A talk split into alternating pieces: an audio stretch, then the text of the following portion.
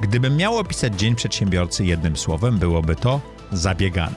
Prowadzenie biznesu, rozwiązywanie palących problemów i podejmowanie nowych wyzwań to moja codzienność, a przy tym lubię być na bieżąco z newsami z kraju i ze świata.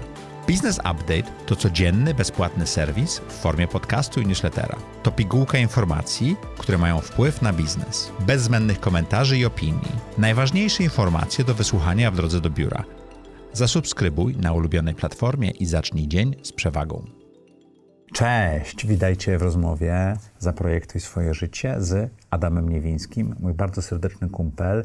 Znamy się już ponad dekadę, Adam w tym pierwszym odcinku, bo wyszła nam rozmowa rzeka, mówi o swojej historii życia, o tym jak e, założył Expandera, jeden z pierwszych fintechów w Polsce, jak e, wybierał różne sytuacje i różne rzeczy przedsiębiorcze, korporacyjne, jakie decyzje nim kierowały i jak doszedł do wniosku, że chce założyć w tej chwili największy fundusz VC w Europie Środkowo-Wschodniej. Zapraszam Was bardzo serdecznie na tę rozmowę. Zaprojektuj swoje życie. Zapraszam Was do mojej autorskiej audycji Zaprojektuj swoje życie. Przedstawiam osoby, które podjęły nietuzinkowe wyzwania życiowe i biznesowe. Rozmawiamy o tym, co nas napędza i dokąd zmierzamy. Historie opowiadane przez moich gości zainspirują Was do świadomego i odważnego projektowania swojego życia.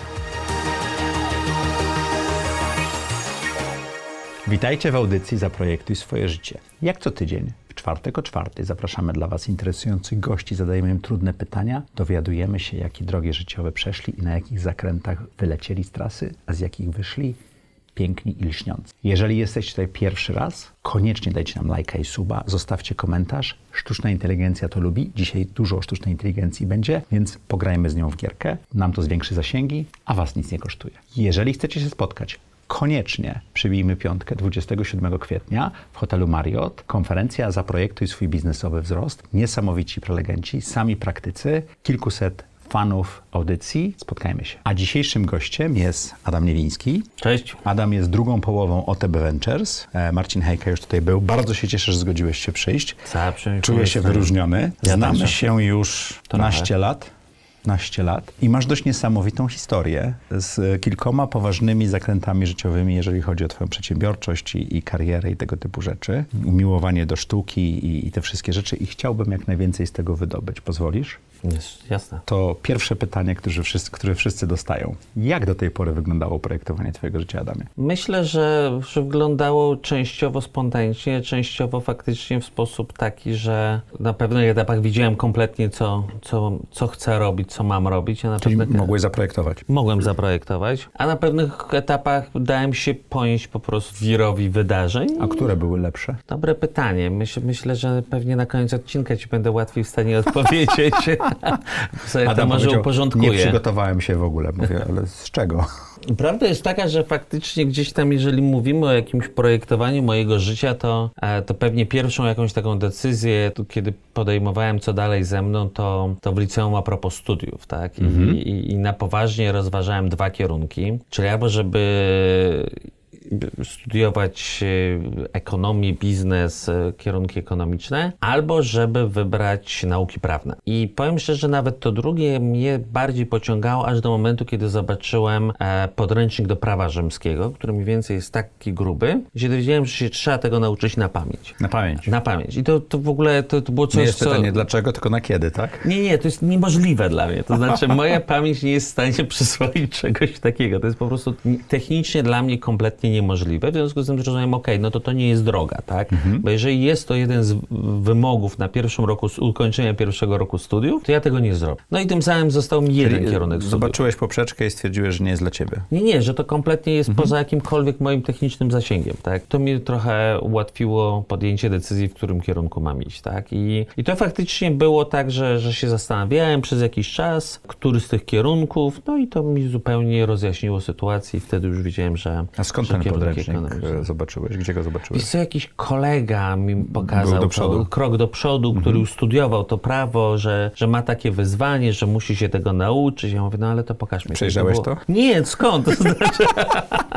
Adam, dla tych, co słuchają, pokazuje taki 3-centymetrowy podręcznik. tak? Dokładnie, to jest w ogóle, i- i to podobno trzeba wkuć na blachę i z tego jest egzamin, to jest, po, po, jeśli tego się nie zrobi, to nie, nie zaliczy się pierwszego roku. No to już nie zaliczył pierwszego roku. Czyli poszedłeś na SGH, tak? Poszedłem na SGH. E, Poszedłem na SGH. I to było chyba złote lata SGH w ogóle, nie? To było wtedy Tak, to w ogóle uczelnia w to, to, to, to, to właściwie tam parę lat wcześniej kończył się Wydział Zarządzania, taki bardzo sławny na SGPisie Mhm. i to właśnie rozpoczęło być SGH, czyli to tam pierwsze lata. Inna sprawa, że ja de facto równolegle rozważałem pojechać do Stanów na, na, na studia. W owym czasie chodziłem do, do, do amerykańskiej szkoły, w związku z tym to był naturalny kierunek. Większość moich e, kolegów, koleżanek wyjeżdżała do Stanów Zjednoczonych i to też był trochę mój dylemat, tak? Czy, czy, czy jechać do Stanów Zjednoczonych, czy wracać do Polski. Polska wtedy Bo ty wtedy mi mieszkałeś się... w Grecji. W Grecji, tak. Bo ty swoje nastoletnie lata... 11, 12 klasa to, to, to, to, to, to była w Atenach, w Grecji. W szkole amerykańskiej to był oczywiście jest ten okres, kiedy wszyscy się przygotowują na, na, na studia. Jakie to było doświadczenie mieszkać w Grecji jako no, taki nastolatek, który też potrzebuje swojego networku i tak dalej? Początkowo bardzo trudne. Bo bo to jednak był, była dość inna kultura, taki clash of culture, tak? takie zderzenie kultur. Od takich anegdotycznych rzeczy pamiętam, przyjechałem, e, poznałem jakiegoś e, nowego kumpla, e, jestem tam, nie wiem, parę tygodni. On mówi, że no dobra, no to pojedziemy w, w piątek w takiej dzielnicy imprezowej Glifada. Mówię, super. Mówi, to przyjadę po ciebie, no jesteś nowy, będzie ci łatwiej. No jest super, fajnie, miło. No i pamiętam, że, że tam, nie wiem, godzina ósma, ja wyszykowany w pełnym rynsztunku, nic się nie dzieje, no wtedy nie było jeszcze komórek. Godzina dziewiąta, już Nic się nie dzieje? Nic się nie dzieje, ja zaczynam powątpiewać. Godzina dziesiąta, machnąłem ręką, usiadłem przed telewizorem i stwierdziłem, że kurde, no jakoś tu nie fajnie jednak. a tam imprezy zaczynają się o północy. Dokładnie, godzina 11. Kolega dzwoni do, do, do, do furtki. Oczywiście to nie był ten problem, o którym mówił tego. To, to, to jest gdzieś tam jeden z przejawów No, ale to jest te, faktycznie. te, te trzy godziny takie, nie, nie rozumiesz kultury. Dokładnie. Przez te trzy godziny zaczyna się zastanawiać, czy, co się dzieje, gdzie ja jestem. Ale faktycznie ta kultura jest trochę inna. Oczywiście przez parę lat się nauczyłem, poznałem. Czy to było dobre doświadczenie? Bardzo dobre doświadczenie, bo rozciągające moją perspektywę, moje horyzonty. Mhm. Bo to już abstrahując od tego, czy, czy na koniec dnia ja się w pełni zintegrowałem, czy nie, chyba Przez dwa nie. lata to chyba za krótko, nie? Chyba nie, ale na pewno to otwiera, tak? To znaczy, jeżeli mnie się dzisiaj pytają znajomi na przykład, że muszą wyjechać z dziećmi na parę lat za granicę, tak? Czy to, czy, czy, czy, czy, to jest fair wobec dzieci? A w moim przekonaniu, no, na pewno nie będą zachwycone, bo, bo wyrywanie z tych korzeni, ja byłem przeszczęśliwy w moim liceum. Ja w polskim liceum byłem najszczęśliwszą osobą na świecie. Ale, ale zobaczyłeś świat, nie?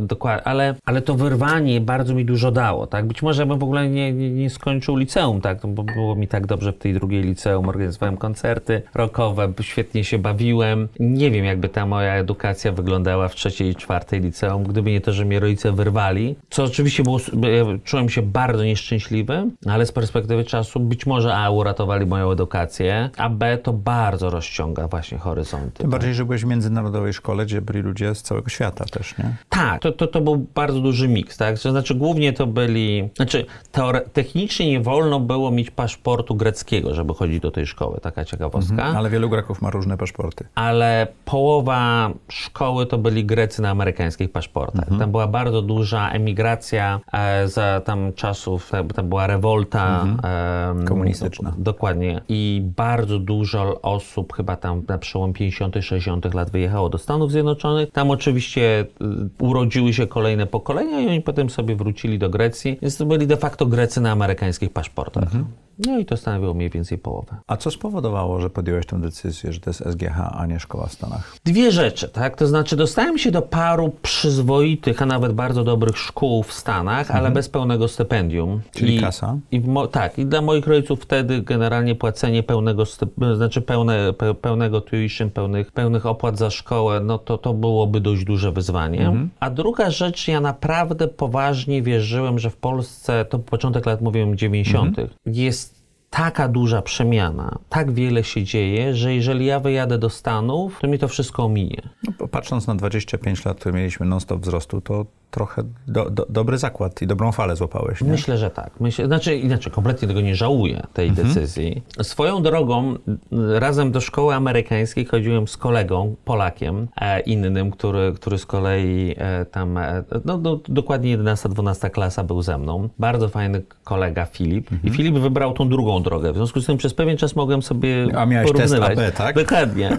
Więc bardzo, bardzo podobny człowiek do mnie. Bardzo, bardzo go lubiłem. Filip super, super człowiek. I Filip wybrał tą drogę Stany Zjednoczone, dostał się tam do, do, do koledżu, jakieś tam skończył to naprawdę taki Mhm. bardzo przyzwoity koledż. Może nie Ivy League, ale, Mhm. ale taki naprawdę, nazwijmy to, tuż, tuż, tuż poniżej. Dru, druga półka. Dokładnie. Przez moment tak nawet z dużym podziwem to obserwowałem. Dostał się do Bear Stearns, ten, który potem upadł, ale Mhm. Wtedy był- przeżył. wtedy był Dokładnie, wielki. wtedy był ogromny, wielki na fali. Stamtąd przeskoczył do JP Morgan, był w, w w materials. Bardzo, bardzo fajnie to wyglądało i ciekawie w Nowym Jorku. Potem już nie miałem z nim kontaktu, w związku z tym nie wiem do końca, postanowił przejść na stronę korporacyjną a, i dołączyć do dużego, takiej, do, do dużej korporacji w obszarze materiałów, cement głównie. I mam wrażenie, Że w tym cemencie trochę utknął. i utknął, się zabetonował kompletnie. Dobra, ale nie o Filipie, No, tylko no, o tak. tobie. Studia. E, startup. Jak to wszystko się wydarzyło? I to taki, e, no fintech teraz to by się powiedziało, nie? Wtedy to jeszcze się tak nie mówiło. No tak, znaczy po, po studiach to ja trafiłem do BCG najpierw. A jeszcze zapomniałem Ja rzeczywiście. BCG, A skąd pomysł, żeby pójść do konsultingu? a to sobie faktycznie sam wymyśliłem. To znaczy, A Dlaczego? zawsze, zawsze mnie kręcił konsulting. Mhm. Znaczy zawsze, no na studiach. Na studiach uznałem, że to jest coś bardzo, bardzo ciekawego. No, bardzo szybko, bardzo dużo płacili też, nie? Tak, i były ciekawe projekty, międzynarodowe, fajne wynagrodzenie, tam się wszystko zgadzało. Mhm. No tylko godziny pracy trochę mniej. Ale to mi wtedy kompletnie nie przeszkadzało. Aha, czyli naście godzin dziennie nie było problemem. Ja w BCG pracowałem tak mniej więcej od 10 do pierwszej, drugiej w nocy. Czyli miałeś czas na spanie. Miałem I czas to na nie, jak- spanie. Nie jakieś wybitne. I to akurat w, I weekendy dla siebie. I żeby- weekendy dla siebie, tak? żeby- Czyli były dw- dwie takie rzeczy, które mi tam bardzo pasowały. To znaczy, ja sobie przychodziłem do pracy około godziny 10. I to było ok. To było kompletnie ok. Znaczy, tam nikt nie zwracał uwagi, o której się przychodziło, Masz wychodziło. Ma dostarczyć. być zrobiona robota. Więc ja przychodziłem koło 10, czasem trochę później, tam kawka, rozbieg od 11, chodziłem na pełnych obrotach. No ale wychodziłem tak pierwsza, druga w nocy faktycznie. I to ci pasowało później. do twojego rytmu. To mi bardzo pasowało i była jedna rzecz, że ja o godzinie 17 w piątek mi wypada ołówek z ręki i ja wychodzę odciąć, że tak powiem, zakończyć tydzień. I to tak działało? Tak. O, to bardzo sobie to fajnie użyłeś wtedy. I ja potrafiłem przyjść do pracy w niedzielę, jak trzeba było, a jak bardzo Ale- było ale w źle w musiałeś sobotę. wyjść. Ale w piątek o 17 musiałem wiedzieć, że kończy się w którymś momencie ten tydzień pracy, tak? Też trzeba odreagować takie rzeczy, nie? No trzeba, znaczy nie, nie, nie, nie można być cały czas, to znaczy trzeba biec do któregoś momentu, odbić tą Mhm. kartę, wyjść i może nawet jeżeli trzeba wrócić następnego dnia o 17 znowu, tak? Czego nauczyło cię praca w konsultingu? Myślenia logicznego. Super. To znaczy to, to mogę szczerze każdemu gdzieś tam młodemu człowiekowi polecić na pierwsze parę lat, bo to uczy żelaznej dyscypliny logicznej, to znaczy I też co pokazuje czego ci wiele wynika. branż, nie? To, to są takie dwie rzeczy, które masz. Tak, to znaczy na pewno ci daje to, że po pierwsze faktycznie pokazuje, szczególnie na początku, to, to, to, to skaczesz po tych branżach, tak? Jednego dnia pracujesz dla koncernu medialnego, drugiego dnia dla firmy chemicznej, a trzeciego dnia dla banku, tak? I dopiero potem gdzieś tam przychodzi ta specjalizacja. Masz dostęp do ogromnej wiedzy globalnej, tak? To znaczy to, to naprawdę masz tam zasoby i, i to jest coś, co mi tak bardzo dużo czasu zżerało, nazwijmy to na początku. bo ja Zbieranie tej wiedzy. Próbowałem się uczyć, tak? Czyli Czyli nie tylko jak- robiłeś projekty. w ramach robienia projektu, nie wiem, jeżeli mnie, jak to się mówi kolokwialnie, rzucali na projekt, nie wiem, e, branża medialna, to ja próbowałem zrozumieć tą branżę i tam jest tak, taki ogrom A wiedzy, że po- siedzisz do drugiej w nocy Tak, i BCG podobnie jak McKinsey miał takie encyklopedie wiedzy wtedy już online, które były... Wtedy to było, no, nie wiem jak to jest w tej chwili, a wtedy to było, podejrzewam, że jeszcze lepiej jest w tej chwili, Mhm. ale wtedy było ogromne już skatalogowane e, zaplecze wiedzy z wiele projektów, które wcześniej firma zrobiła, oczywiście z wyczyszczonymi danymi takimi Mhm. poufnymi i w które można się było wczytać, zobaczyć jak ktoś robił te projekty w innym, e, w innym miejscu na świecie, tak, nie wiem, w Australii albo w Brazylii. Mhm. Jak ktoś podszedł do podobnego projektu, tak, i, i oczywiście nie, nieważne były cyfry, ważna była logika i otoczenie rynkowe. Czyli nie musiałeś wynajdować koła. Musiałeś Trochę zrozumieć. trzeba, znaczy Musiałeś trzeba było zrozumieć klienta zrozumieć i zrozumieć- dokładnie i branżę, a potem w ramach tego, co można jemu Mhm. zaproponować i oczywiście można to było podpatrzeć jeśli czasami gdzieś indziej, a czasami faktycznie wymyśleć. Także Mhm. to wymyślanie koła akurat czasem było nawet fajne, ale można też było czasem coś zapożyczyć i zastanowić, ok, czy co zadziała, czy nie zadziała. Może to nie zadziała, ale może coś innego byłoby, nie wiem, w polskich realiach, jeżeli akurat pracujemy dla polskiego klienta, to czy da się to przetransferować, czy nie. No to było to bardzo fajny okres, bardzo taki rozwojowy, no ale potem faktycznie jeszcze ta żelazna dyscyplina, to znaczy, jeżeli A To wynika, to B, B jest C i tak dalej, bo inaczej, jeżeli to jest przerwane w jakikolwiek sposób, To no nie to tam zadziała. partner na projekcie generalnie tam do okrągłego segregatora wrzucał te slajdy i trzeba było jeszcze raz się pobawić. Okrągły segregator, nie znałem tego określenia. Ile czasu pracowałeś w BCG? Trzy lata. I skąd decyzja, żeby coś zmienić? Miałem dwa projekty. Pierwszy właśnie dla, dla, dla, dla spółki medialnej, a drugi dla, dla dużego banku na południu Polski, który w owym czasie jeszcze miał siedzibę w Krakowie. I oba te projekty były takie przeglądami strategicznych opcji, czyli gdzie ta spółka ma się rozwijać. To był w ogóle piękny okres w konsultingu, właściwie wie, mnóstwo, większość projekty rozwojowe, strategiczne, O, oglądałeś rzeczy, którymi dzisiaj żyjemy, nie? Że ty tworzyłeś te, te No, pomysły i to, to, to, tak? to większość firm chciało się rozwijać, myślało czy tu, czy w tym kierunku, jakie, jakie branże, jakie segmenty. No i to był rok pewnie tam, jak ja zacząłem się temu przyglądać, 99, może, może nawet końcówka 8. No i zauważyłem takie bardzo ciekawe zjawisko internet, które bardzo mnie zainteresowało. Szczególnie pamiętam... W... Jeszcze wtedy był dial-up, nie? Te 02, 02. Nie, no to, to wtedy jeszcze były bardzo, bardzo duże początki. I na przykład w tym, w tym banku ja byłem odpowiedzialny za taki, taką część bardziej śmietnikową projektu, czyli tam były wszystkie takie rzeczy nie najważniejsze, czyli kolega trochę starszy, bardziej doświadczony był odpowiedzialny za segment korporacji, druga osoba za detal, no i potem był taki jeszcze, ten, nazwijmy to śmietnik, czyli tam był usługi maklerskie, tam był call center i bankowość telefoniczna i alternatywne kanały dostępu, czy Czyli między internet. innymi internet. Alternatywny kanał Tak, to dostępu. się tak ładnie nazywało. Ja jest mówię taki śmietnik właściwie rzeczy, które, którym się też trzeba było zająć w tym banku, ale nie były najważniejsze, czyli bankowość 20 korporacyjna i jak to detaliczna. się zmieniło, nie? 23-4 lata. Tak.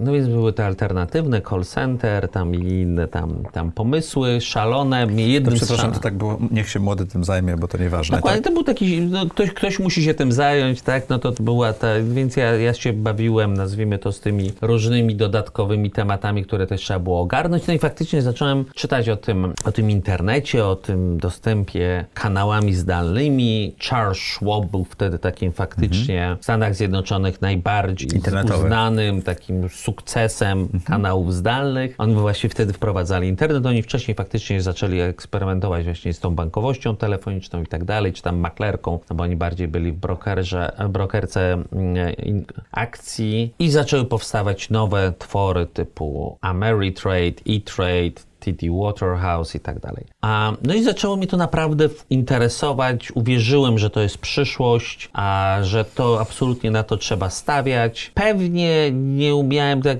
sprawić, żeby to jeszcze pewnie aż tak wybrzmiało wobec klienta. Klient ewidentnie jeszcze nie był aż tak podekscytowany Jak ty? jak ja. No i to jest chyba jedyny taki minus czasem w konsultingu, bo, bo, bo poza tym to naprawdę wspominam to najlepiej, jak tylko mogę, że, że czasem ma się głębokie przekonanie, że się trafiło na to coś. Widzisz tak? lewer albo tą bryłę złota, Dokładnie, tak? no, że, że faktycznie mogę dostarczyć temu klientowi jakąś wartość, że, że to jest ten kierunek, no, a potem czasem ta prezentacja sobie tam trafia na półkę i taki jest trosze, troszeczkę taki lekki zawód, ale, ale ja z tego bardzo dużo dla siebie wyniosłem. Potem właśnie ten projekt medialny i znowu, tak, może, może trzeba iść w ten internet, może to jest to. Pamiętam wtedy RMF ogłosił, że będzie stawiał swój własny portal, czyli To też było na zasadzie wow, czyli, czyli, czyli inni gracze też zaczynają to dostrzegać. Oczywiście gdzieś tam już były początki Onetu, WP, ale, ale że można dużo więcej w tym obszarze osiągnąć. No i to mnie zainspirowało, tak? I stwierdziłem, no dobra, tak, to znaczy coś się dzieje. Ten świat się zaczyna zmieniać, chyba idzie jakaś fajna fala, na którą trzeba wskoczyć. I oczywiście decyzja była o tyle trudna,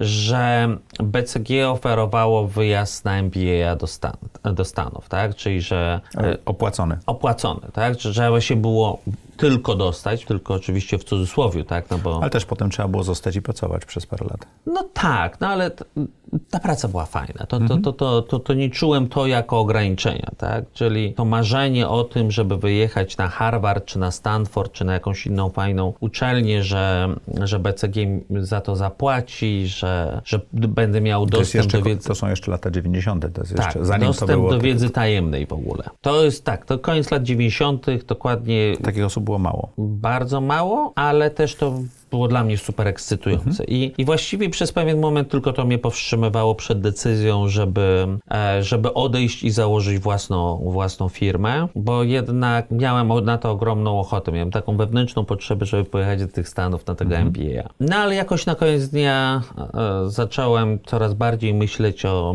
o tej firmie i wraz tam z trzema kolegami, jednym z liceum, jednym ze studiów i jednym z BCG, zaczęliśmy coraz bardziej myśleć o tym, żeby założyć ten swój własny startup. Oryginalnie w ogóle właśnie to miało być w obszarze e, tej brokerki internetowej, no bo to był taki super silny trend w Stanach Zjednoczonych. Natomiast oczywiście no, tam rynek był trochę inny. Tam, Dużo większy. Dużo większy, plus tam koszt transakcyjny w owym czasie dla osoby fizycznej był zaporowy. To było kompletnie, na zasadzie, to, to tylko miało wtedy sens, jeżeli się to kupowało i trzymało tam, nie wiem, 10 lat, a w tym czasie te akcje bardzo mocno rosły, bo, bo właściwie taki trading dla osób indywidualnych był niemożliwy, bo był zaporowy kosztowo. W Polsce tak nigdy nie było, to znaczy oczywiście zawsze były koszty transakcyjne, ale one były w ogóle ułamkiem tego, co, co przed, przed tam, nie wiem, 99 rokiem w Stanach Zjednoczonych, tak? I faktycznie Charles Schwab był jednym z tych który, prekursorów, który, który dał możliwość osobom indywidualnym robić tam troszeczkę wie, bar, bardziej robić trading, czyli bardziej aktywną tą grę giełdową w porównaniu z, z takim kom, kompletną, długoterminową To co na koniec wymyśliliście? Więc najpierw zaczęliśmy tworzyć ten dom maklerski, tylko po to, żeby potem stwierdzić, że to jednak To nie to. to nie to.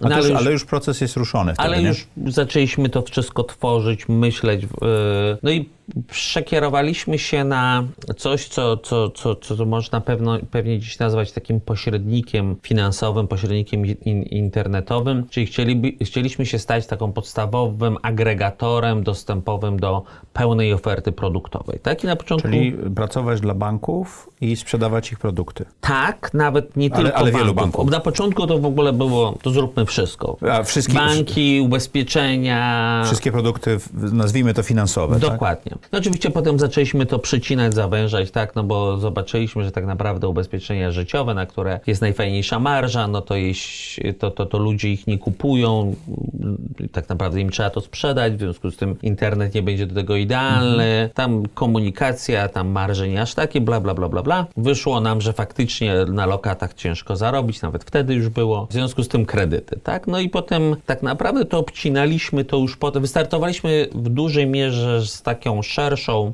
platformą, natomiast wiedzieliśmy już w momencie startu, że tak naprawdę będziemy się koncentrować na kredytach. Skąd pomysł na nazwę? Pamiętasz? Nie do końca. Bo Pamiętam, to, bo że to na... znana marka. Zaraz Tak. czekam, aż Adam wreszcie powie. Pamiętam, że na początku to się naz... chcieliśmy to nazywać w ogóle nawigator, ale ta nazwa już była Dom maklerski. dokładnie zastrzeżona. Nie, jeszcze chyba nawet wtedy tego domu maklerskiego na horyzoncie Okej. nie było, ale, Ale coś, coś innego było. było. dokładnie. Potem pamiętam i w ogóle tak się na początku spółka nazywała FinFin SA, ale uznaliśmy, że to FinFin? tak, że to trochę banalne. Tintin, fin, fin. Potem był jakiś delfin w ogóle FinFin i to już w ogóle zabiło nam tą koncepcję, bo stwierdziliśmy, że no nie, że to jakiś absurd. Proszę Państwa, od delfina, fin, fina można wziąć kredyt. To, to, to, to jakoś nie do końca brzmiało. Ostatecznie nazwaliśmy Expander.pl. Tak, Expander, dla tych, co pamiętają. Pierwszy swój kredyt w Polsce brałem przez Expander. To. O, to Tak. nawet nie widziałem, zobacz. Tak. O, to Ale miłe. to lata temu, jeszcze się wtedy nie znaliśmy. No, no, Może tak. dostałbym lepsze warunki. Nie, no to my wtedy, na- znaczy w ogóle na pierwszym etapie to przekonanie ludzi, żeby faktycznie wzięli kredyt przez stronę internetową, bo na początku działaliśmy czysto jako serwis internetowy, nie mieliśmy jeszcze wtedy żadnych oddziałów, a czyli startując w roku 2000, pamiętam jak bodajże listopad, wszystkie serwery nam padły. Z przeciążenia. W... A wtedy jeszcze nie było AWS-u, czy Azura, czy Google Clouda, jeszcze, gdzie można było to wszystko wrzucić, tak?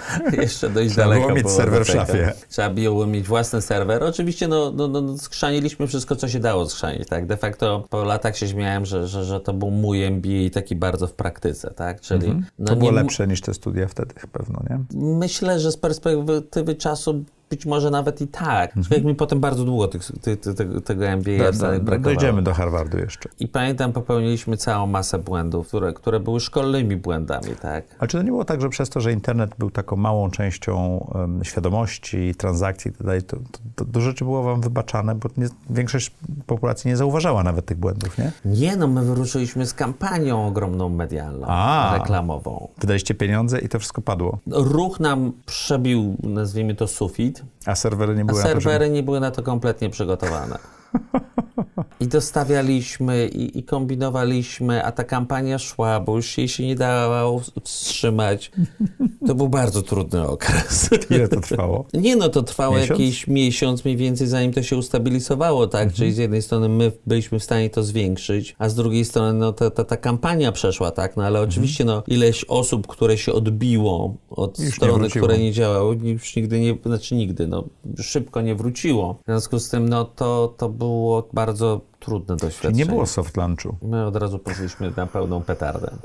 Um, Jak dużą firmą stał się Expander? No w którymś momencie stał się naprawdę bardzo dużym pośrednikiem kredytowym, szczególnie jeśli chodzi o hipoteki. I mieliście oddziały, bo ja pamiętam, że w Tak, to, to, to oczywiście to już się stało trochę później, mhm. tak? Czyli czyli start. Zaczęło to się bardzo fajnie rozwijać. Oczywiście ruch na stronie był ogromny. Mieliśmy w ogóle swoją w ogóle redakcję, my też content medialny mhm. tworzyliśmy, tak? Mieliśmy 10 osób w redakcji mhm. e ekonomicznej. Y, my relacjonowaliśmy właściwie jako pierwsi praktycznie i na żywo wydarzenia w, z września 2001, mhm. czyli atak na World Trade Center. I pamiętam to do dziś, jak, jak, jak to się działo, no bo mieliśmy taki naprawdę prawdziwy newsroom ze wszystkimi monitorami z całego świata i właściwie na bieżąco widzieliśmy, co tam się dzieje wtedy, co nie było oczywiste. I, i, i ruch ten internetowy był naprawdę bardzo duży, natomiast klienci wyszukiwali sobie produkty, ale... ale kompletnie nie byli gotowi kliknąć kup mimo tego, że to nie było jeszcze zawarcie de mhm. facto transakcji. No, nie było tego przyzwyczajenia, które w tej chwili mamy. Znaczy była, była bariera nie do pokonania mentalna. mentalna, że można podjąć ważną decyzję finansową poprzez internet i zamknąć decyzję poprzez internet. To było zbyt silne. Co zrobiliście, żeby to ominąć? No próbowaliśmy robić wszystko, włącznie z tym, że rozdawaliśmy telewizory do, dla, dla, dla tych, którzy brali kredyt hipoteczny. Jeżeli brali go w 2000 czy tam 2001 Chyba roku w 2006 to robiłem. No tak, to już było to trochę już było za późno. Innego, tak. Ale naprawdę my, my podpisaliśmy jakąś umowę, że jakieś te telewizory w hurcie byliśmy w stanie naprawdę za rozsądną cenę sponsoringową w pakiecie, że będziemy promować tego producenta i wtedy, i wtedy naprawdę dorzucaliśmy bardzo przyzwoity telewizor. Jeszcze taki ktoś... lampowy chyba, bo to te czasy jeszcze... Tak, tak. tak. To, to, tego już nie pamiętam, ale, ale żeby tylko te osoby się decydowały i brały przez, inter, przez internet ten kredyt hipoteczny, który naprawdę tam no, nic mu nie brakowało, wręcz przeciwnie, tak był najlepszy, mhm. jaki można było mieć. No i przyszedł potem 2001 rok, szczególnie druga połowa, szczególnie po, po, po atakach, tak to wszystko rąbnęło. No i trzeba było zacząć się zastanawiać, co dalej, tak? Czyli ta bańka internetowa pękła. Bańka a... hipoteczna, pierwsza taka malutka, też się zatrzymała. Tak, ona, ona dokładnie, ona się, może nie aż pękła, ale się zatrzymała. Natomiast no, ten, ten, ten, to, to zapotrzebowanie na kredyty nadal było, bo, bo rynek się zmieniał, stopy w Polsce spadały. To były złote lata kredytów hipotecznych. W związku z tym się przestawiliśmy praktycznie tylko na kredyty hipoteczne, odcięliśmy całą resztę, to znaczy dostarczaliśmy tą wiedzę, ale w ogóle nie zwracaliśmy właściwie uwagi na to jako, jako na produkt. Tym produktem nośnym była hipoteka. Ludzie nie potrafili brać kredytów hipotecznych, w tym sensie, że nie potrafili porównać oferty różnych, różnych banków. To była dla nich czarna magia, rynek rósł super dynamicznie. Natomiast no, ta bańka internetowa pękła. Widzieliśmy, że, że na świecie ten hype się zatrzymał. Ciężko będzie zbierać dalej finansowanie. Być być widzieliśmy, jaki jest opór materii do brania tych kredytów przez internet, no i takie, e, no, no, takimi buzzwords, czyli takimi słowami najbardziej e, gorącymi w tamtym okresie to było click and bricks albo click and mortar, czyli kliki i cegły. Coś, co teraz albo, się nazywa multi-channel, tak? Tak, czyli, czyli trzeba dostawić oddziały. Cegły. Mhm. Cegły. Ale za, za, zanim przejdziesz do oddziałów, zapytam, e, jak duże finansowanie pozyskaliście na początku, żeby ruszyć biznes? Pamiętasz? My mieliśmy, to, to, to oczywiście znowu, to, to mówimy o jakichś początkach czegokolwiek, w związku mhm. z tym my mieliśmy podpisane finansowanie na 10 milionów dolarów, czyli bardzo wow, to jest bardzo dużo. Tak. Jak na te lata? Natomiast to było takie finansowanie, nazwijmy to bardziej, dzisiaj byśmy nazwali commitmentowe. Czyli mhm. te pieniądze nie trafiły od razu na nasze konto, tylko były ciągnięte pod nasze potrzeby. A kto był pierwszymi inwestorami? Pierwszym inwestorem była polska firma software'owa SoftBank. Nie mylić z japońskim SoftBankiem. Mhm. I tak naprawdę za tym stał Aleksander Lesz, wybitna postać e, polskiego rynku informatyki, twórca tak naprawdę pierwszych systemów IT, mhm. które, które zostały, można powiedzieć, w Polsce zbudowane, tak? Czyli był to... Czyli rozumiał internet, mhm. rozumiał, w którą stronę to idzie. Tak, tak, tak. Znaczy, on nawet był jeszcze, znaczy, pie, oczywiście wizjoner, bo rozumiał internet, ale nawet jeszcze wcześniej, myślę, to, co było niesamowite, że, że zaczął tworzyć rozwiązania w Polsce dla sektora bankowego, czyli mhm. on wraz z zespołem potem ze swoją firmą, informatyzowali PKO BP i, wie, i wiele innych podmiotów i robili to naprawdę z ogromnym sukcesem. E, także, także na pewno wizjoner, e, wspaniała postać. Natomiast no, on, on, że tak powiem, my się z nim rozumieliśmy w sensie z SoftBankiem, że my jako czterech założycieli wraz z SoftBankiem tworzymy tą spółkę. My jako founderzy mamy swoje udziały, SoftBank ma swoje udziały i SoftBank, można powiedzieć... Ma takie rolujące finansowanie. Do, dostarcza nam rolujące finansowanie na 10 milionów dolarów. Mhm. No niestety to, to, to się stało trochę później, tak? Czyli mhm. zaczęliśmy otwierać te oddziały, a znaczy otworzyliśmy pierwszy oddział. E, On był sukcesem chyba od razu. On był zaskakującym sukcesem. Czyli A... ludzie coś w internecie obejrzeli i potem przyszli y, dopiąć transakcję, tak to działało? Nawet w internecie zobaczyli, że można przyjść i mm. ktoś to zrobi za nich. A my mieliśmy naprawdę duży ruch na tej stronie internetowej. I pamiętam, to był ruch Mokotowskiej, tam na rogu, tam gdzie jest teraz takie rądko, był, był, kiedy, był kiedyś salon e, sprzedaży telefonów komórkowych, M-punkt, i mieli taki bardzo duży punkt. W tym czasie już trochę siadała ta sprzedaż. To już, to już nie były te lata boomu, że, że, że, że, że te punkty sprzedaży telefonów komórkowych były na każdym rogu. No i się dogadaliśmy z nimi, że my weźmiemy połowę lokalu i tam ulokujemy nasz pierwszy oddział Expandera. No i to się okazało gigantycznym sukcesem. I trzeba było poprosić M-punkt, żeby sobie poszedł po jakimś czasie, prawda? No nie, no to był ich lokal, ale, ale, ale generalnie no to mhm. tam postawiliśmy no pierwsze tam trzy czy cztery stanowiska. I była do nich kolejka. I była kolejka więc stwierdziliśmy, dobra, mamy to. I ludzie tam przychodzili, faktycznie zawierali te transakcje, nam się zaczęło, my zobaczyliśmy, że na tym faktycznie zaczynamy realnie zarabiać, czyli zamiast stawania tych telewizorów, co nie do końca i tak działało, wystarczyło... To zapłacimy za czynsz. Posadzić, dokładnie, zapłacimy za czynsz i to wcale nie jakiś wygórowany. Trzeba posadzić młodego, inteligentnego człowieka, najlepiej studenta czwartego roku, który tam sobie przyjdzie trochę zarobić pieniędzy. Po dużej mierze on miał ten sam monitor, co, co ten klient mógł sobie zobaczyć nadal na naszej stronie. On robił dokładnie ten sam search. Tylko, że go robił za kogoś. Tylko to robił za kogoś i drukował te papiery, które sobie też można było samemu wydrukować, mhm. wypełniał je i to chyba była największa wartość dodana, realna, mhm. czyli on wypełniał te dokumenty i wysyłał do banku. No i ludzie byli zachwyceni. To zaczęło nam bardzo ładnie żreć, no i potem to już była kwestia... Ile mieliście punktów? Nie wiem, powiem szczerze, bo już mnie tam nie było. Kilka... Aha, bo to potem się zwijało. Tak. A co się stało z Softbankiem? Powiedziałeś, że w pewnym momencie e, ta studnia wyschła, tak? SoftBank miał swój taki zakręt finansowy mhm. związany z, z, gdzieś tam z wymagalnością obligacji i niepospinanym w czasie, można powiedzieć, kontraktami. Czekali na bardzo duży kontrakt z PKO BP, on się opóźniał, opóźniał i opóźniał. Te obligacje coraz bardziej miały e, okres zapadalności. No i tam się taka, taka śmieszna rzecz, śmieszna, no nie śmieszna, e, zagadkowa powiedziałbym może zdarzyła, że, że ten kontrakt się opóźnił o jakieś 2 czy 3 miesiące. W tym momencie te obligacje niestety stały się wymagalne. Przyszedł Prokom i zaproponował SoftBankowi w tej sytuacji taką propozycję nie do odrzucenia, że ich po prostu przejmie. I tam dwa tygodnie później zamknął ten kontrakt z PKO BP. Gigantyczny Surprise, kontrakt, surprise. na który czekał tylko SoftBank, żeby po prostu pod to już całe finansowania, wszystko, już wszystko było piękne. Także, e, także tak się to zdarzyło. No i to oznaczało dla nas e, Zmianę właściciela.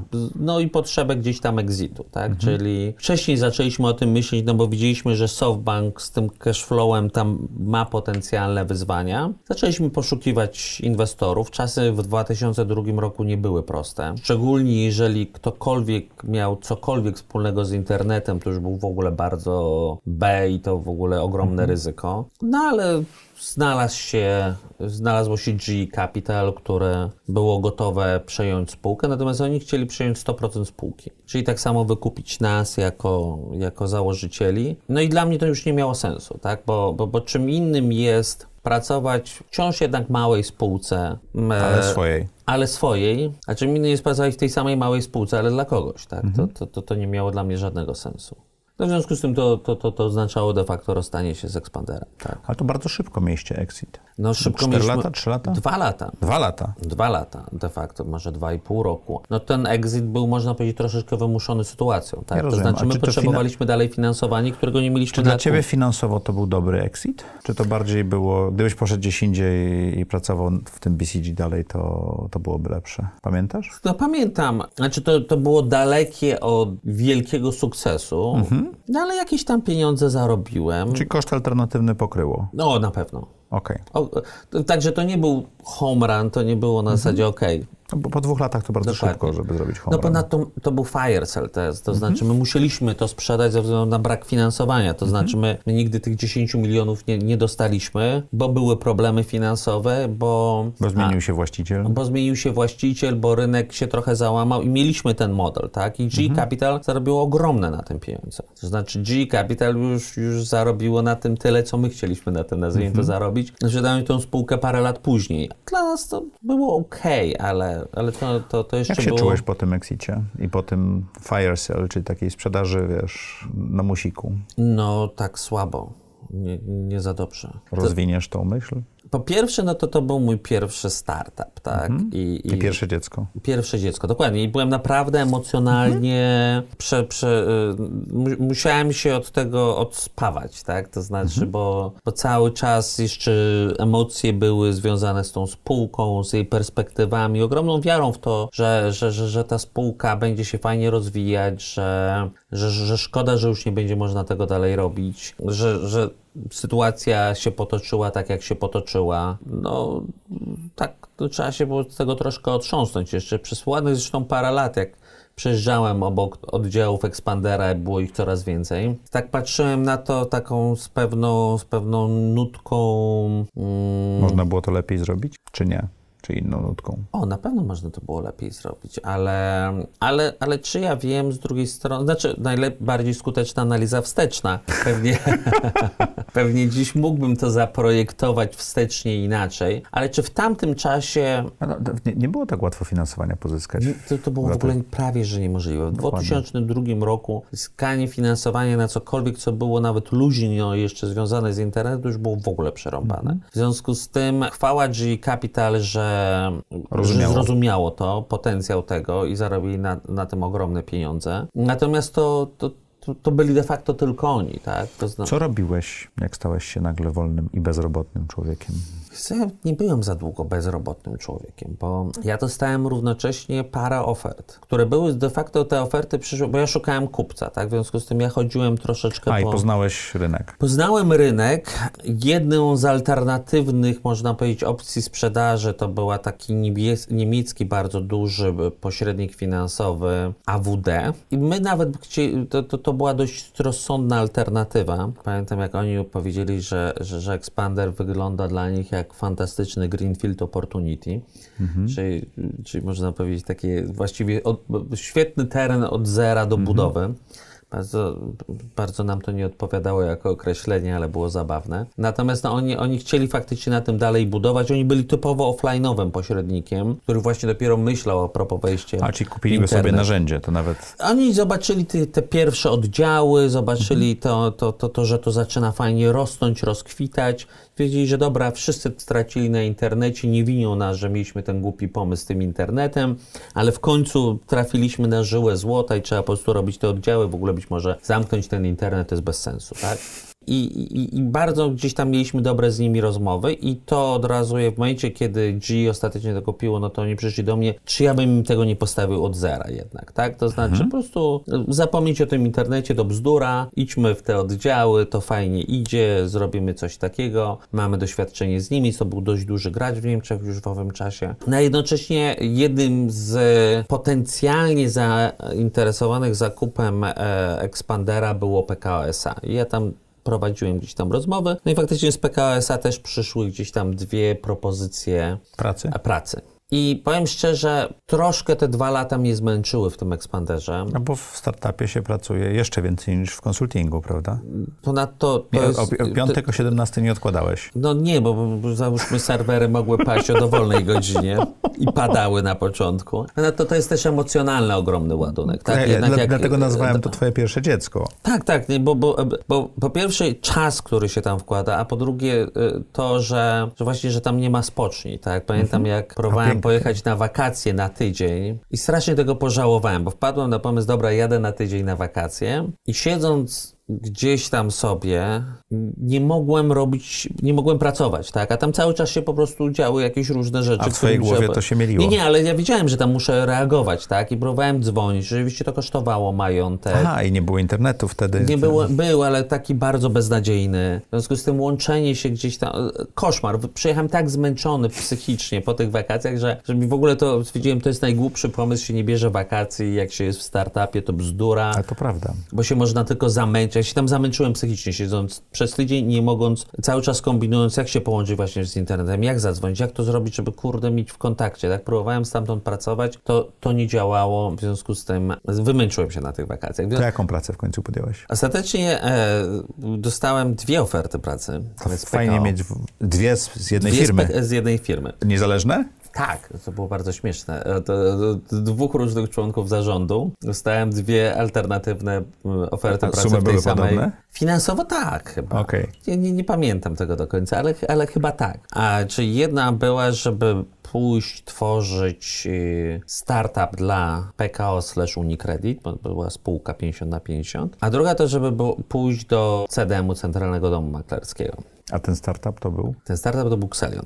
Wybrałem jednak ten startup. Z doświadczeniem w startupie? Z doświadczeniem, ale uznałem, że okej, okay, dobra, to może AWD to nie, bo to jest kompletny startup, wszystko na mojej głowie. Tu jest taki bardziej korporacyjny, to sobie to ogarnę. A z drugiej strony nie w strukturach, tylko trochę obok, nie? Dokładnie. Tak, tak, dokładnie, bo to było osobne 50 na 50, w związku z tym też fajna taka rzecz, że, że PKO 50%, Unicredit 50%, bardzo, to nawet mi się podobało. No i tam Poszedłem i po dwóch tygodniach wróciłem do tego drugiego, powiedziałem, wiesz co, nie, jednak, jednak ten CDM bym wybrał. No bo, bo tak jak popatrzyłem, jak to jest robione, to uznałem, że to nie jest robione tak, jak ja bym to zrobił. A tam ten pociąg już odjechał? A tam ten pociąg już ruszał, przepraszam, i, a, i pamiętam, tam był taki człowiek z Włoch, który był wcześniej księgowym i, i on, że tak powiem, zaczął tam pewne rzeczy już próbować wdrażać i ja na to patrzyłem z dość dużym przerażeniem i stwierdziłem, nie, to nie ma sensu, tak? To mhm. znaczy, mamy tak odmienne spojrzenie na to, jak to powinno wyglądać, że to się nie uda. I chyba dobrą wtedy podjąłem decyzję, bo, bo poszedłem wtedy do Centralnego Domu Maklerskiego. Tam potrzebna była dość duża zmiana, taka szybka zarządu. Nowy zarząd był, zostaliśmy powołani, kompletnie nowy skład od poniedziałku. Czyli tam w piątek wieczorem nowy wow. skład wchodzi od poniedziałku. Bardzo fajne doświadczenie. Ja byłem odpowiedzialny, był trzyosobowy zarząd, prezes oddelegowany z Rady Nadzorczej, CFO i ja, odpowiedzialny za cały biznes. Naprawdę duży biznes. CDM wtedy był takim czołowym graczem, może takim lekko przykurzonym, ale jednak gigantem na rynku Miał klientów. klientów indywidualnych, instytucjonalnych, relacje. No, naprawdę duży podmiot. Pamiętam dwie rzeczy, które mnie tak uderzyły w, tym, w ten poniedziałek, jak tam przyszedłem. Pierwsza rzecz to ten mój gabinet, który był tam, nie wiem, 50 chyba metrów kwadratowych. Bizantyjski. Bizantyjski. Tak, z palmami takimi wielkimi. Fajnie tam było. I takie ja miałem takie wielkie biurko z A takim pierwsze- fajnym na, lakierem takim błyszczącym na wysoki A połysk. pierwsze biuro waszego startupu ile miało metrów, pamiętasz? Nie, no to, to, to, to, to było może w nowoczesnym budynku, no ale my tam siedzieliśmy po dwóch w pokoju, nawet jako Okej. founderzy, w pokoikach, tak? To, to zupełnie... Więc tutaj wszedłeś do Bizancjum. Nie, no tu wszedłem na zasadzie, nie no fajnie. na, narożne biuro, no w ogóle wszystko super. Potrwała ta moja radość, taka napałanie się to, to, tym dość krótko, bo za chwilę wchodzi jakiś człowiek. Oczywiście nie znałem tych ludzi za bardzo, bo dopiero usiadłem przed tym biurkiem. Przychodzi i mi daje taki, taką karteczkę z takiej drukarki jeszcze igłowej, wydrukowaną. Mówi, czy ja bym się mógł tu pod, podpisać. Mówię, się, ale, ale, ale co to jest? Mówi, no musimy kupić obligacje, bo jest akurat przetarg. Mówię, no dobrze. A ile tych obligacji? A za 30 milionów. Mówię, i ja mam się pod tym podpisać? Mówi, no tak, no, no pan jest teraz wiceprezesem, tak? Mówię, no tak. Mówi, no i to musimy, bo ja biegnę złożyć Kupować. zlecenie. Ja się patrzę na niego, w ogóle pierwszy raz go w życiu na oczy widzę, na tą karteczkę z tej drukarki i głowy, na te 30 baniek i tak mówię, no dobra. Mam tylko do pana jedno pytanie, tak, jak dużo możemy na tym stracić? No nie, no mówi, raczej, raczej nie stracimy, raczej nie stracimy, tam mówi, no jak zależności od wahnięć, tam bla, coś. No i stwierdziłem, dobra, faktycznie, to brzmi, brzmi bezpiecznie. I się wziąłem, pod tym podpisałem, ale tak powiem szczerze, Ręka drżała. Ręka drżała, tak, bo kompletnie nie wiedziałem skąd człowiek przyszedł, kim on jest, gdzie on z tym biegnie, co ja właściwie podpisałem. No, ale potem już jakoś poszło, tak? I, I bardzo fajnie wspominam te dwa lata w Centralnym Domu Maklerskim. Fantastyczne doświadczenie, fantastyczni ludzie, którzy jakoś tak się czuli. Mam wrażenie, że, że pracują tak e, w takiej instytucji, która najlepsze lata ma już za sobą, że pamiętam, jak mi kiedyś ktoś przyszedł i powiedział, że a, mieliśmy startować w jakimś tam przetargu o, o klienta, tam przychodzi tam kolega i mówi, słuchaj, nie wiem, czy to ma, wiesz, sens, bo ING tam startuje. No i? ING tam startuje. I powinieneś jakoś zareagować Dokładnie. Ja rozumiem, że A ty będąc e, nowym nie wiedziałeś, o co chodzi. dokładnie e, jego było takie na zasadzie, no dobra, no to jesteśmy przegrani, w ogóle nie ma sensu. Idziemy jak po naszej. I faktycznie to wygraliśmy, tak? Mhm. I potem, potem udało się, no jak ja przechodziłem, to spółka miała na pierwsze półrocze jakieś 30 milionów straty. Dwa lata później, jak odchodziłem, to miała na, też na pierwsze półrocze 30 milionów zysku. Także chyba się coś udało. Zrobiliśmy, graliśmy IPO TVN-u, GTC, Intercards, no parę, rzeczy. parę fajnych, dobrych spółek. Ale poszedłeś do tego Xelionu później. Tak. Już nie było y, księgowego z Włoch. No więc em, po, po dwóch latach zostałem zaproszony do, do, do mojego szefa. Się śmiałem, że dostałem telefon ze zjednoczenia. No i, no i partia Ten cię serial potrzebuje. dyrektorzy się przypomina, nie? Nie, dokładnie. I w zasadzie partia cię potrzebuje. No, no, dokładnie, no nie tymi słowami, bo rozmawiałem z Włochem, w związku z tym, no pewnie tych grypsu, grepsów by, by, nie rozpoznała. Ale zasadzie- uczucie było to samo. ale uczucie było dokładnie to samo. Na zasadzie pan mówi warunki, a, ale pan tam idzie. Mniej więcej była ta, taki A, czyli komunikat. to y, informacja jest, gdzie pan idzie, proszę tylko ustalić warunki, żeby pan się nie tak, zdenerwował. znaczy to nie, jest, to nie jest kara, to jest nagroda. To znaczy zrobiłeś dobrą robotę, już się z nią właśnie pożegnałeś. Tak, Posprzątałeś, jest następne sprzątanie, Dokładnie. tak? I teraz jest nor, norma, nowe sprzątanie. Powie, powiedz, jakie są twoje warunki, tak? Postaramy się je spełnić. Partia cię potrzebuje, idziesz. Poszedłeś. Nie, no bo to była faktycznie propozycja nie do odrzucenia, tak? To Aha, znaczy, taka włoska. Taka włoska. Z południa Włoch.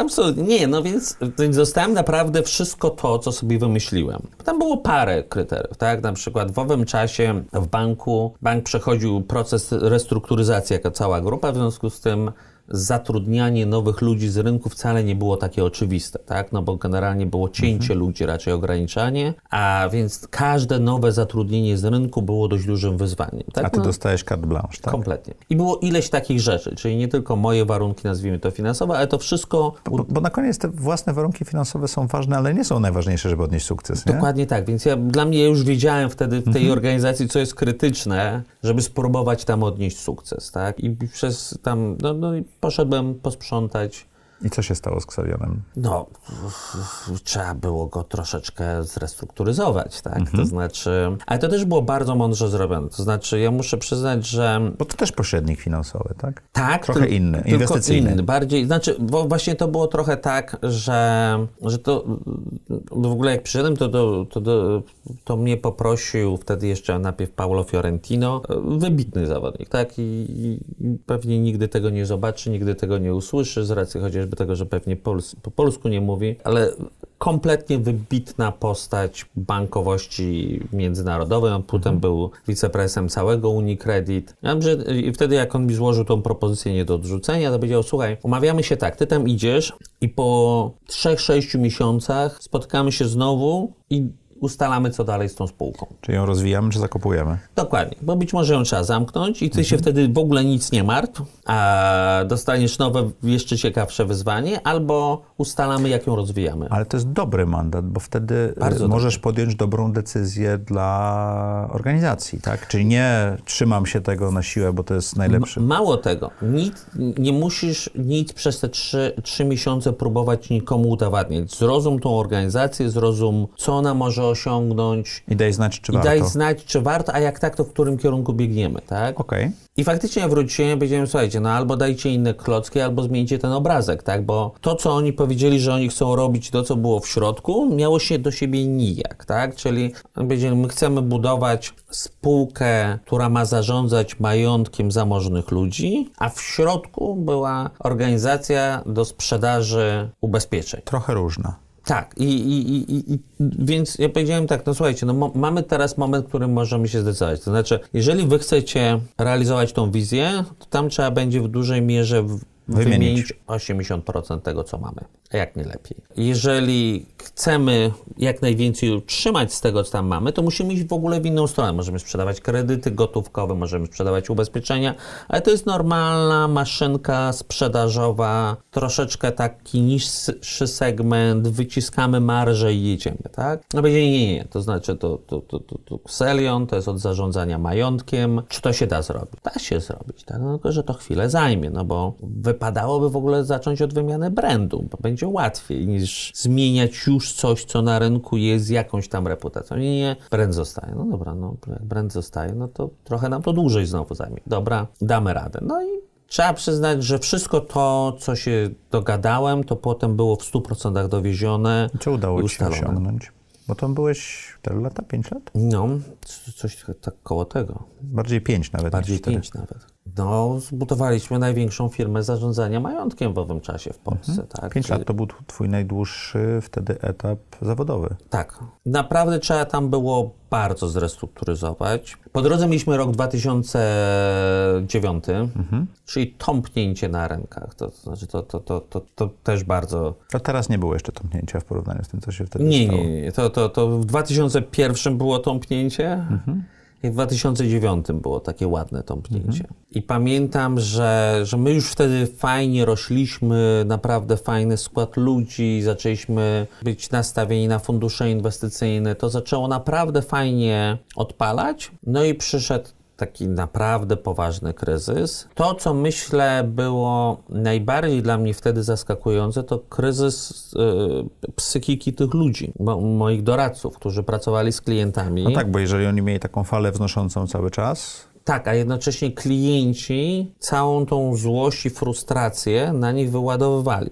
Zasłużenie bądź nie, pewnie czasami zasłużenie bo niewłaściwe e, produkty. Dokładnie, bo nie, niewłaściwe. Czasami oni naprawdę nie mieli na to wpływu, co się zdarzyło. No i bardzo różnie y, ci doradcy reagowali, tak? Część część, od, znaczy, ale, ale nie byli na to do końca przygotowani, tak? Czyli część y, się zamykała w sobie, przestała odbierać telefony, no tak nie można. I zaczęliśmy, pamiętam, robić im szkolenia z psychologii. I one naprawdę zadziałały. Czyli wzięliśmy i przeszkoliliśmy Jak rozmawiać z ludźmi jak rozmawiać z ludźmi, jak brać ich negatywne emocje na siebie. i nie dopuszczać ich do siebie. Dokładnie, czyli, czyli jak to odfiltrowywać, ale jednocześnie odbierać te telefony, rozmawiać z tymi ludźmi, tłumaczyć i nawet jeżeli po drugiej stronie jest duży negatywny zastrzyk negatywnych emocji, no to dać sobie z tym radę, tak? I Pamiętam to, to, to było pod e, wodzą Wojciecha Eichelbergera i jego tam całego zespołu i, i naprawdę ustawili nam wszystkich tych doradców na nowo i zrobili kawał dobrej roboty. To znaczy, e, my oczywiście, no to była dla nas jakaś dość duża inwestycja, tak, czyli to wszystko się wali, wyniki się finansowe walą, spółka się wali. My stwierdziliśmy, dobra, my musimy wydać te pieniądze, żeby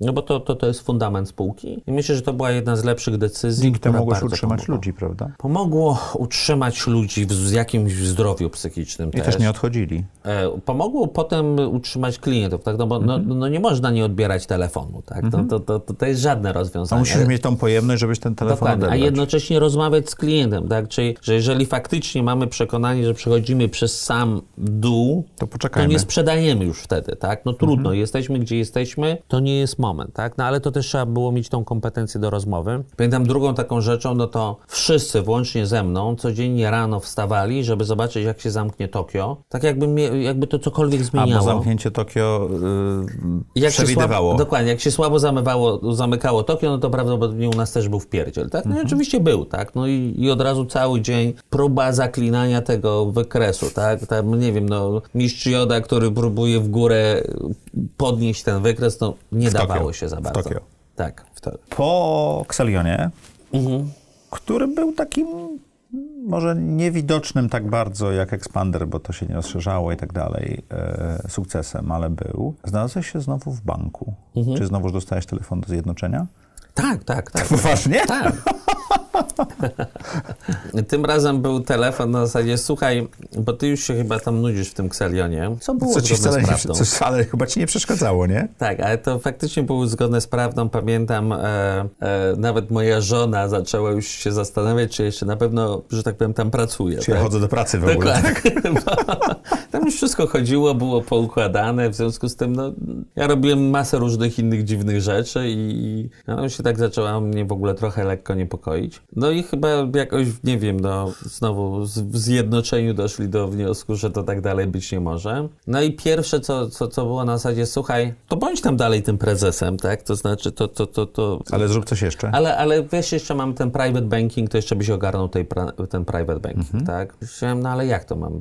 Są dwa różne miejsca, właściwie nawet nieco konkurencyjne. To gdzie ja mam siedzieć, w którym biurze? To Będziesz miał dwa biura, no matko droga, no, to, to, jest najmniejszy problem, tak? No, na zasadzie, no, znowu było na zasadzie, no dobra, no to mniejsza o większość po prostu go and get it, tak? To znaczy po prostu idź to zrób, będzie dobrze. Powiedz, jak będzie działało. Powiedz dokładnie, po, po, znaczy tam wiadomo, co trzeba zrobić mniej więcej. Albo to nie było, nie było takie niewiadome, jak było jeszcze. Nie, nie, bo w Celionie to faktycznie wtedy, jak ja przychodziłem, to oni zastanawiali się, co dalej Czy. z tym robić. Czy, i jak i, i wszystko. No tam trzeba było to trochę poprzestawiać na inne tory, trochę, trochę odświeżyć. W związku z tym to była taka robota, że nawet ja wiedziałem, co tam trzeba zrobić Mhm. od początku. No i było na zasadzie, no dobra, no to, no to, to, to, to trzeba iść i to zrobić. No to A private banking to jest ciekawe miejsce w banku, bo też spo, spotykasz high net worth individuals, czyli spotykasz ludzi, którzy są e, naprawdę bogaci w tym kraju. Bardzo ciekawe, bardzo ciekawe miejsce, bo pracujesz faktycznie z zamożnym, wymagającym, ale bardzo ciekawym Top klientem. 100, top 500 w Polsce, tak? Więc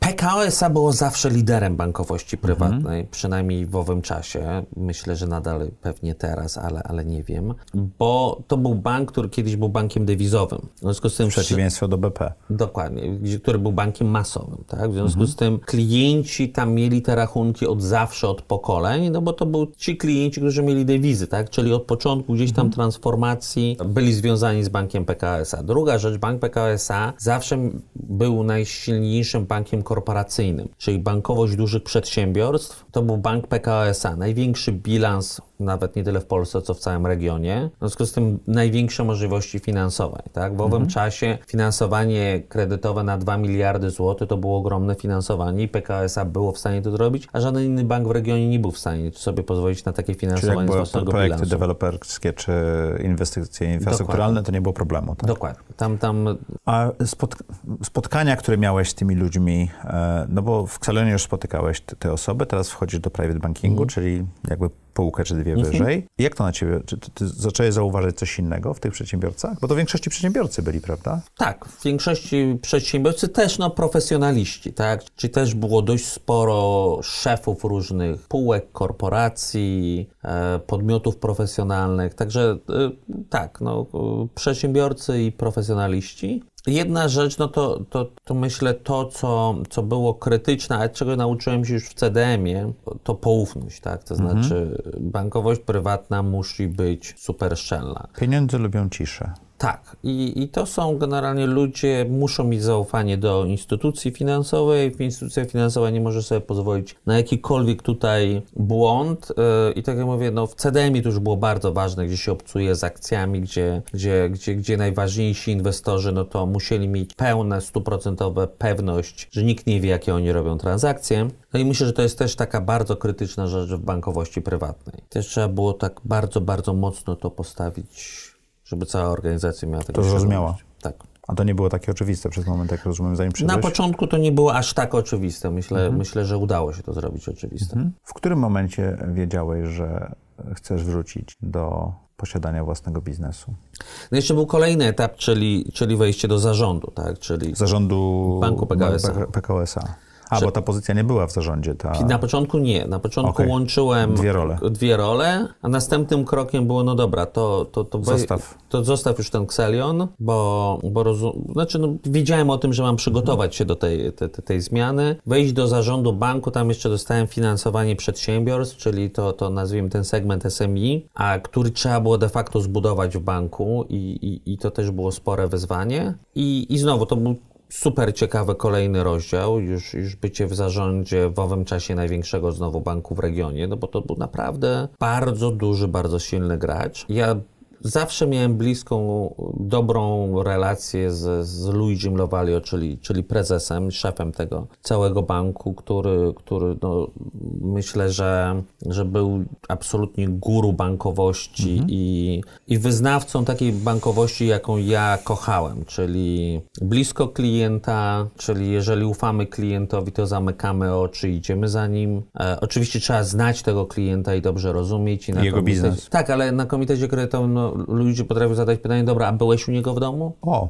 Tak. I jeżeli odpowiedź była tak, no to to była właściwa odpowiedź. Jeżeli odpowiedź była nie, no a byłeś u niego w firmie, no jeżeli odpowiedź była na to nie, to w ogóle kończyła się dyskusja, tak? To znaczy to, to o czym my mówimy, tak? No to, to, to, to, to, jest jak, tylko papierek. jak ty znasz tego klienta, tak? Jeżeli, jeżeli mówimy o poważnym finansowaniu, tak? To znaczy, tak. w ogóle pamiętam taką sytuację, jak, jak przyszedłem do, do niego z, z takim, nazwijmy to, poważnym finansowaniem i mówię, że no trzeba, trzeba dać klientowi finansowanie, no bo konkurencja nam go zabierze. Oni, oni, oni, oni już mu obiecali, a no i stracimy deal, stracimy klienta, stracimy wszystko. Pamiętam, że ludzie tak na mnie spojrzą, mówią, a dajesz rękę za niego? I akurat no to była osoba, na którą byłem gotowy dać rękę, w związku z tym bez jakiegoś większego zastanawiania powiedziałem tak, powiedziałem, no to ma kredyt. I zakończyliśmy generalnie dyskusję. ale rozumiem, że cyfry się oprócz tego zgadzały, tak? Cyfry się oprócz tego zgadzały, natomiast no to był taki wizjonerski projekt. Okej. I, Czyli ryzyko było większe. i tak, i, i, finansowanie tam na sto kilkadziesiąt milionów, co, co, co w owym czasie też było dość sporym finansowaniem. A natomiast no to był jego styl bycia, tak, Luigiego, tak, no, nadal jest pewnie, on w tej chwili jest prezesem najstarszego banku na świecie, tak, czyli Montepaschi di Siena. I, i, i, je, i jeśli komukolwiek ma się udać zrestrukturyzować ten bank, to myślę, że jemu, tak. Natomiast no to był jego styl bycia, tak, to znaczy, jeżeli ja bym się zawahał, albo nie daj Boże bym powiedział, że nie, to ja On bym by to wyczuł. w jego oczach, A on by to wy, wyczuł. a dokładnie, a i tego kredytu by nie było. Ale no, to, to więc ta, to, to była ta taka bankowość, do której ja się gdzieś tam kiedyś przed laty zapisywałem, która jednak zaczęła, zaczęło jej być coraz mniej w tej bankowości. wymarła albo dokładnie. wymiera. Ona w większości wymarła. Tak naprawdę. To, to, to, to, to już są naprawdę relikty, gdzie ta bankowość jest taka, że, że, że, z tym klientem jesteś, go czujesz, musisz go znać i wtedy za nim stoisz murem. I mi tego zaczęło brakować. Także teraz troszeczkę zwracając mhm. do Twojej odpowiedzi, to, to, to był oczywiście proces, kiedy ja zacząłem się zastanawiać, że, że to już jest koniec, tak? W sensie mnie w bankowości, mnie w korporacji. Po pierwsze podjąłem decyzję, że to już jest ostatnia korporacja, w której w życiu będę pracował. Okay. Także, że to już chyba wystarczy tego. No ja idąc do banku PKSA po ekspanderze sobie myślałem, że sobie pójdę na 2-3 lata się pouczyć, jak wygląda korporacja, to po to, żeby potem zacząć znowu robić swoje, tak? A to była dekada ponad, nie? Tak, więc, więc, więc już i tak się tam dość sporo zasiedziałem. Ale wiesz, te palmy. No, potem już nie było palm, ale nadal tak. więc się zasiedziałem tam dość na poważnie, więc y, tak już zaczęło mi to w głowie kiełkować. Druga rzecz, jeszcze po drodze, może też warto wspomnieć, założyłem bank na Ukrainie, który, który się w miarę mhm. udał, a nawet bardzo konsumencki. Mieliśmy inwestorów typu Goldman Sachs, Warburg Pincus, także taki największy, można powiedzieć, historia sukcesu mhm. startupu na Ukrainie. A to był twój projekt inwestycyjny? Tak, e, znaczy ja byłem co-founderem razem z moim przyjacielem, hmm. przy czym ja się nie przeprowadziłem na Ukrainę, on się przeprowadził. Ja na Ukrainie przez dwa lata byłem 50 razy. Musiałem wymieniać hmm. paszport, bo, bo, mimo tego, że ci panowie z kontroli paszportowej naprawdę super ładnie mi stawiali te pieczątki, tak żeby, że, że, żeby na każdej stronie było w 100% optymalnie hmm. to wykorzystane, to i tak się nie dało. No i to też mi dało taki jeszcze fajny oddech przedsiębiorczy, tak? Jak, Czyli... jak można w międzyczasie, posiadając tak skomplikowane e, prace i tak dalej, zrobić bank? Znaczy, bank to zrobił mój kraju. przyjaciel. Okay. Ja go wspierałem w tym dość mocno. Więc ale... da się. I, i, I myślę, że razem z nim nauczyłem się tego, że mi to sprawia ogromną przyjemność. Znaczy, moja Startowanie mia... nowych rzeczy?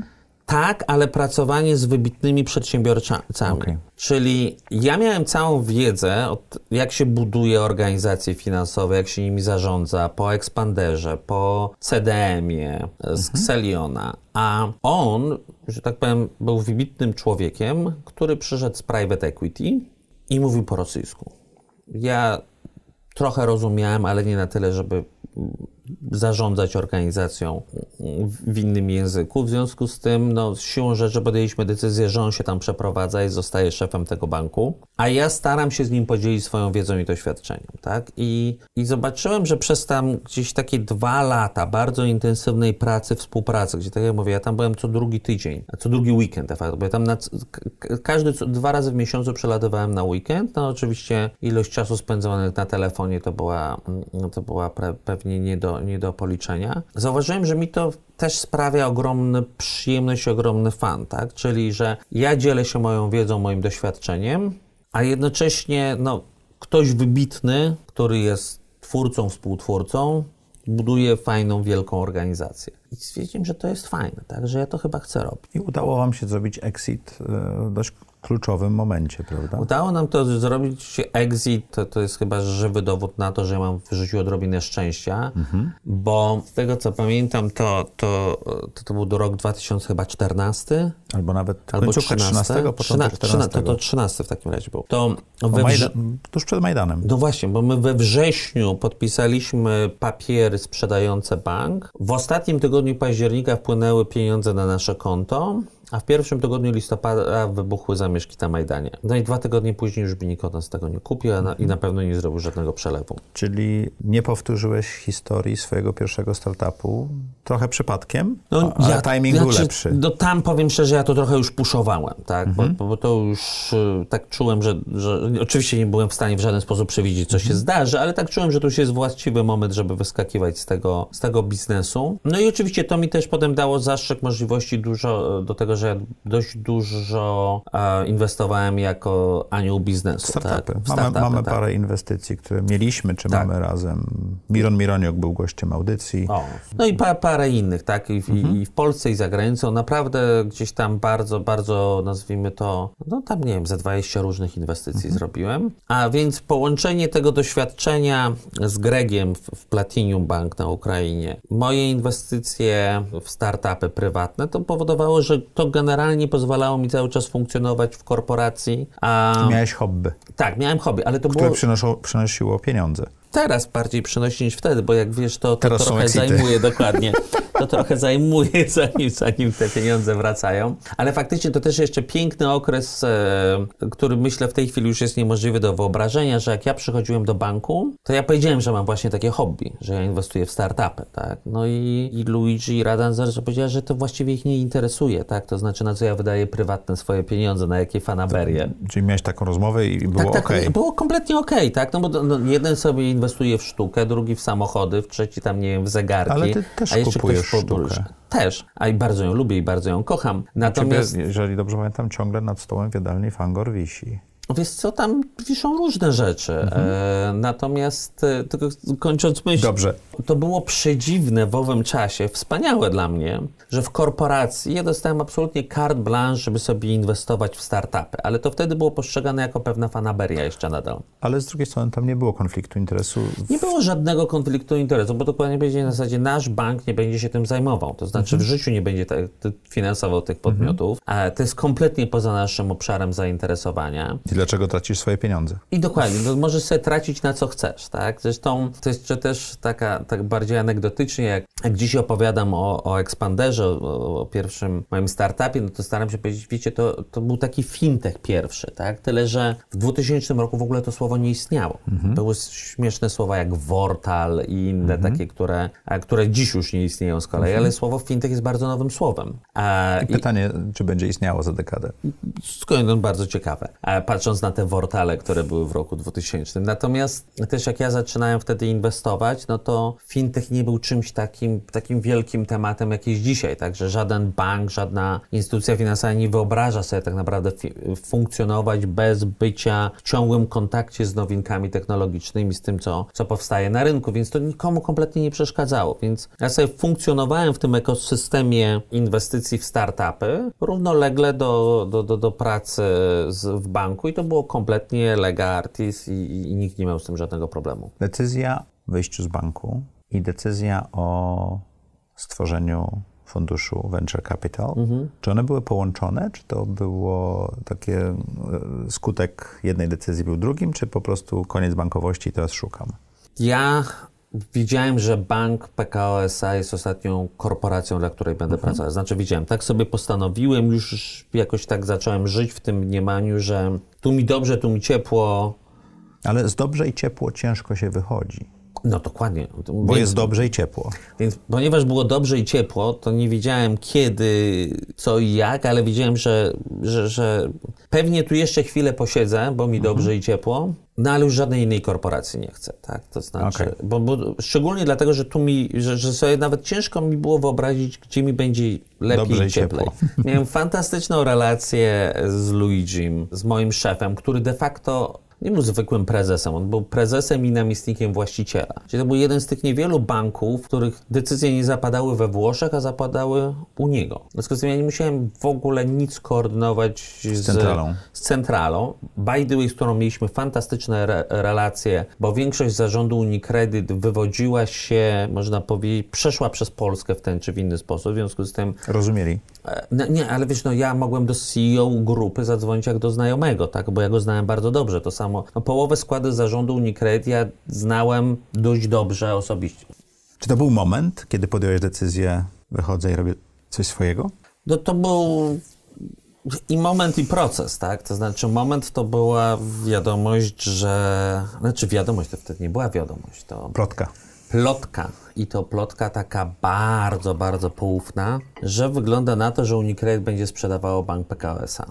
2016 rok, wakacje mniej więcej. Czyli to ciepło i miło. Tak, ale to, to było jeszcze w takim bardzo, bardzo owiane tajemnicą. Garstka osób zaczęła gdzieś tam sobie się zastanawiać. Unicredit miało duże potrzeby finansowe, duże problemy finansowe z no adekwatnością był, kapitałową. Wtedy były problemy na południu Europy, prawda? Tak, i, i, i musieli jednocześnie podnoszone wskaźniki, mhm. wymogi kapitałowe banków, dość duże wyzwanie dla Unicredit, a jednocześnie wyglądało na to, że jest duży apetyt po stronie polskiego rządu, żeby, żeby przyjąć bank PKO SA go nacjonalizować. I to, tak powiem, zaczęło mi w głowie bardzo niekorzystnie brzmieć, tak? bo ja generalnie tak bardzo jak czuję się państwowcem i, najnormalniej w świecie bardzo, bardzo kocham Polskę, nasz kraj. Tak nie do końca jestem człowiekiem, który się odnajduje w spółkach Skarbu Państwa. Nigdy nie planowałem... Praca w korporacji, a praca w spółkach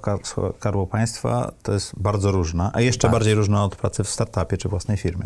Tak I, i zawsze wychodziłem z założenia, że ja się do pracy w spółce Skarbu Państwa po prostu normalnie nie nadaję. To znaczy mam jakieś kompetencje, jakieś nie mam. Kompetencje pracy w spółce Skarbu Państwa nie należą do moich kompetencji. W związku z tym, myśląc o tym, że bank PKO SA ma być sprzedany i stać się spółką Skarbu Państwa, to było dwie, można powiedzieć, informacje, które mi nie do końca pasowały. Po pierwsze, to jest koniec tego Unicredit, tego banku PKO SA, którego ja znałem, kochałem, w którym się bardzo dobrze czułem, a jednocześnie zmiana w kierunku, który nie jest zgodny z moimi kompetencjami, delikatnie mówiąc. I to zaczęło gdzieś tam powodować to moje myślenie, no dobra, no to, no, no to, to co? co dalej. I miałem na początku taki okres pewnie za dwóch miesięcy takiego, można powiedzieć, takiego smutku, żalu. Naprawdę się mentalnie zacząłem żegnać z tym bankiem, tak? Taki miałem to taki, nie, to tak nieprzyjemny czas, gdzie, gdzie się rozstawałem mentalnie z organizacją, z grupą, tak? No bo jeżeli zliczyć lata w CDM-ie, w,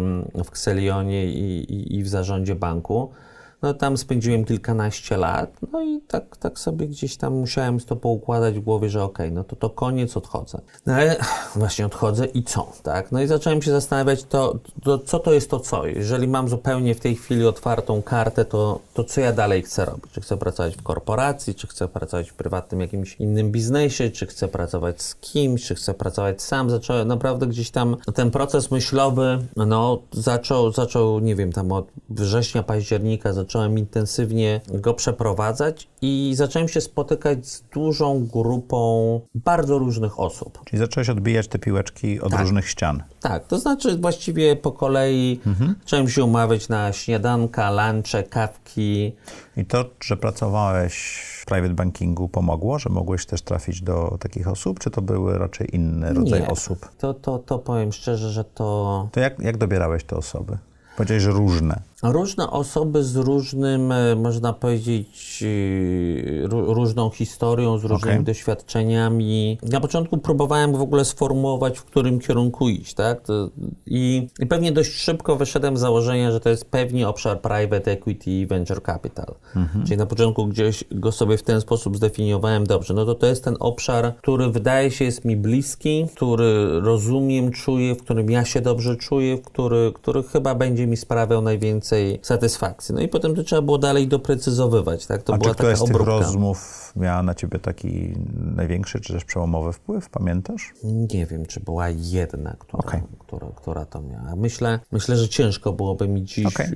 stwierdzić, że któraś była jakaś taka faktycznie przełomowa. No, na, na pewno w jakimś stopniu przełomowe były moje rozmowy z Marcinem Hejką, tak? czyli mhm. moim przyszłym wspólnikiem, no bo mhm. z natury rzeczy... Y, Ale to... rozmawialiście na tej kawce nie wiedząc, że będziecie wspólnikami. To nie było pomysłem jeszcze. My zaczęliśmy rozmawiać sobie na tej kawce w ogóle na temat kompletnie innego projektu, w którym potencjalnie moglibyśmy być obaj zaangażowani i, i, i wątpliwości, które gdzieś tam nam przyświecały co do tego, tak? Natomiast e, nie, ja można powiedzieć w tym czasie miałem gdzieś tam swój faktycznie równoległy jeszcze proces myślenia o tym, co ja chcę robić, w, w jakim obszarze, i faktycznie to była taka obróbka, tak? Tak jak mówię, mhm. mniej więcej, ok, to jest private equity and venture capital, no to potem co dokładnie, tak? Czy mhm. na przykład, no, bardzo mnie ciągnęło w kierunku biotechu. I odbyłem serię rozmów z osobami, które zajmują się biotechnologią.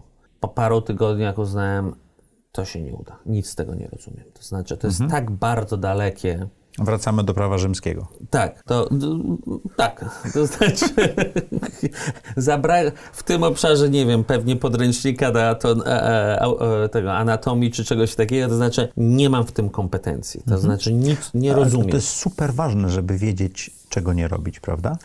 Bardzo mnie to kręciło. To znaczy, bardzo, bardzo miałem ochotę pójść w tym kierunku. Widziałem, że to jest przyszłość, że tam się dzieją fascynujące rzeczy, że ja naprawdę, tak jak rozmawiałem z mądrymi ludźmi w tym obszarze, to mniej więcej połowę rozmowy to się domyślałem, o czym oni mówią. I stwierdziłem, że to się nie uda. To znaczy, że to, to, to, to że żałuję, że cały czas brzmi to fascynująco, ale, ale to, się nie jest uda. Fascynująca dziedzina, która bardzo nas zmieni przez najbliższe 50 lat. Absolutnie tak, to znaczy cały czas mnie tam, że tak powiem, Kusi. ciągnie, kusi, ale cały czas czuję się nie na siłach, żeby, żeby... Oczywiście co innego jest, załóżmy, zainwestować tam prywatnie i to mi się też zdarzało popełnić, ale, ale nie robić to profesjonalnie, bo, bo, bo, bo, bo dla mnie to jest... Inwestowanie prywatne to może być element hazardu, na zasadzie mam czuja, próbuję, najwyżej się nie uda. No nie można tego robić w ten sposób profesjonalnie, także, także niestety ten, ten biotech trochę odpadł, no ale zacząłem dalej gdzieś tam A iść w w tym... którym momencie wiedziałeś, że Marcin będzie twoim wspólnikiem? Jakiś początek roku 2017, luty, może marzec. Jakieś wydarzenie było? Czy tak Ale- zaczęliście już rozmawiać, że to jest to? A czy mieliśmy taką faktycznie rozmowę, nawet jakoś tam ją wciąż pamiętam, że, że ja już tak wyglądało na to, że jestem przekonany, że, że idę na swoje i tak zacząłem troszeczkę opowiadać o tym, jak, jak tam jego, moje myśli idą i on mi zaczął opowiadać, jak jego myśli idą. No i tak wyglądało na to, że to ma szansę kliknąć, tak? Że mamy tak różne gdzieś tam networki, że mamy na tyle, że znaczy gdzieś tam sieci nasze kontaktów, doświadczenia, a jednocześnie, że to jest bardzo komplementarne, bo, bo my jesteśmy dość różni, a jednocześnie podobni, tak? I to, i to fajnie, fajnie wyglądało, że to może się udać. No i wygląda z perspektywy czasu, że tak wyszło. Także e, no potem to już było znowu, potem dalej budowanie tego, wymyślanie, tworzenie, to wszystko zajmuje czas, także, także To może... ja tutaj postawię kropkę, jeśli pozwolisz. Słuchajcie, za tydzień druga część rozmowy z Adamem. Udało nam się nagrać grubo ponad godzinę, a ja wiem, że historia OTB i tego wszystkiego, co Adam robi, jest jeszcze ciekawsza, ale również opowiemy Wam o tym, jakie technologie są technologiami przyszłości, co tak naprawdę ze sztuczną inteligencją i parę innych trudnych pytań zadam. Do zobaczenia w następny czwartek o czwartej.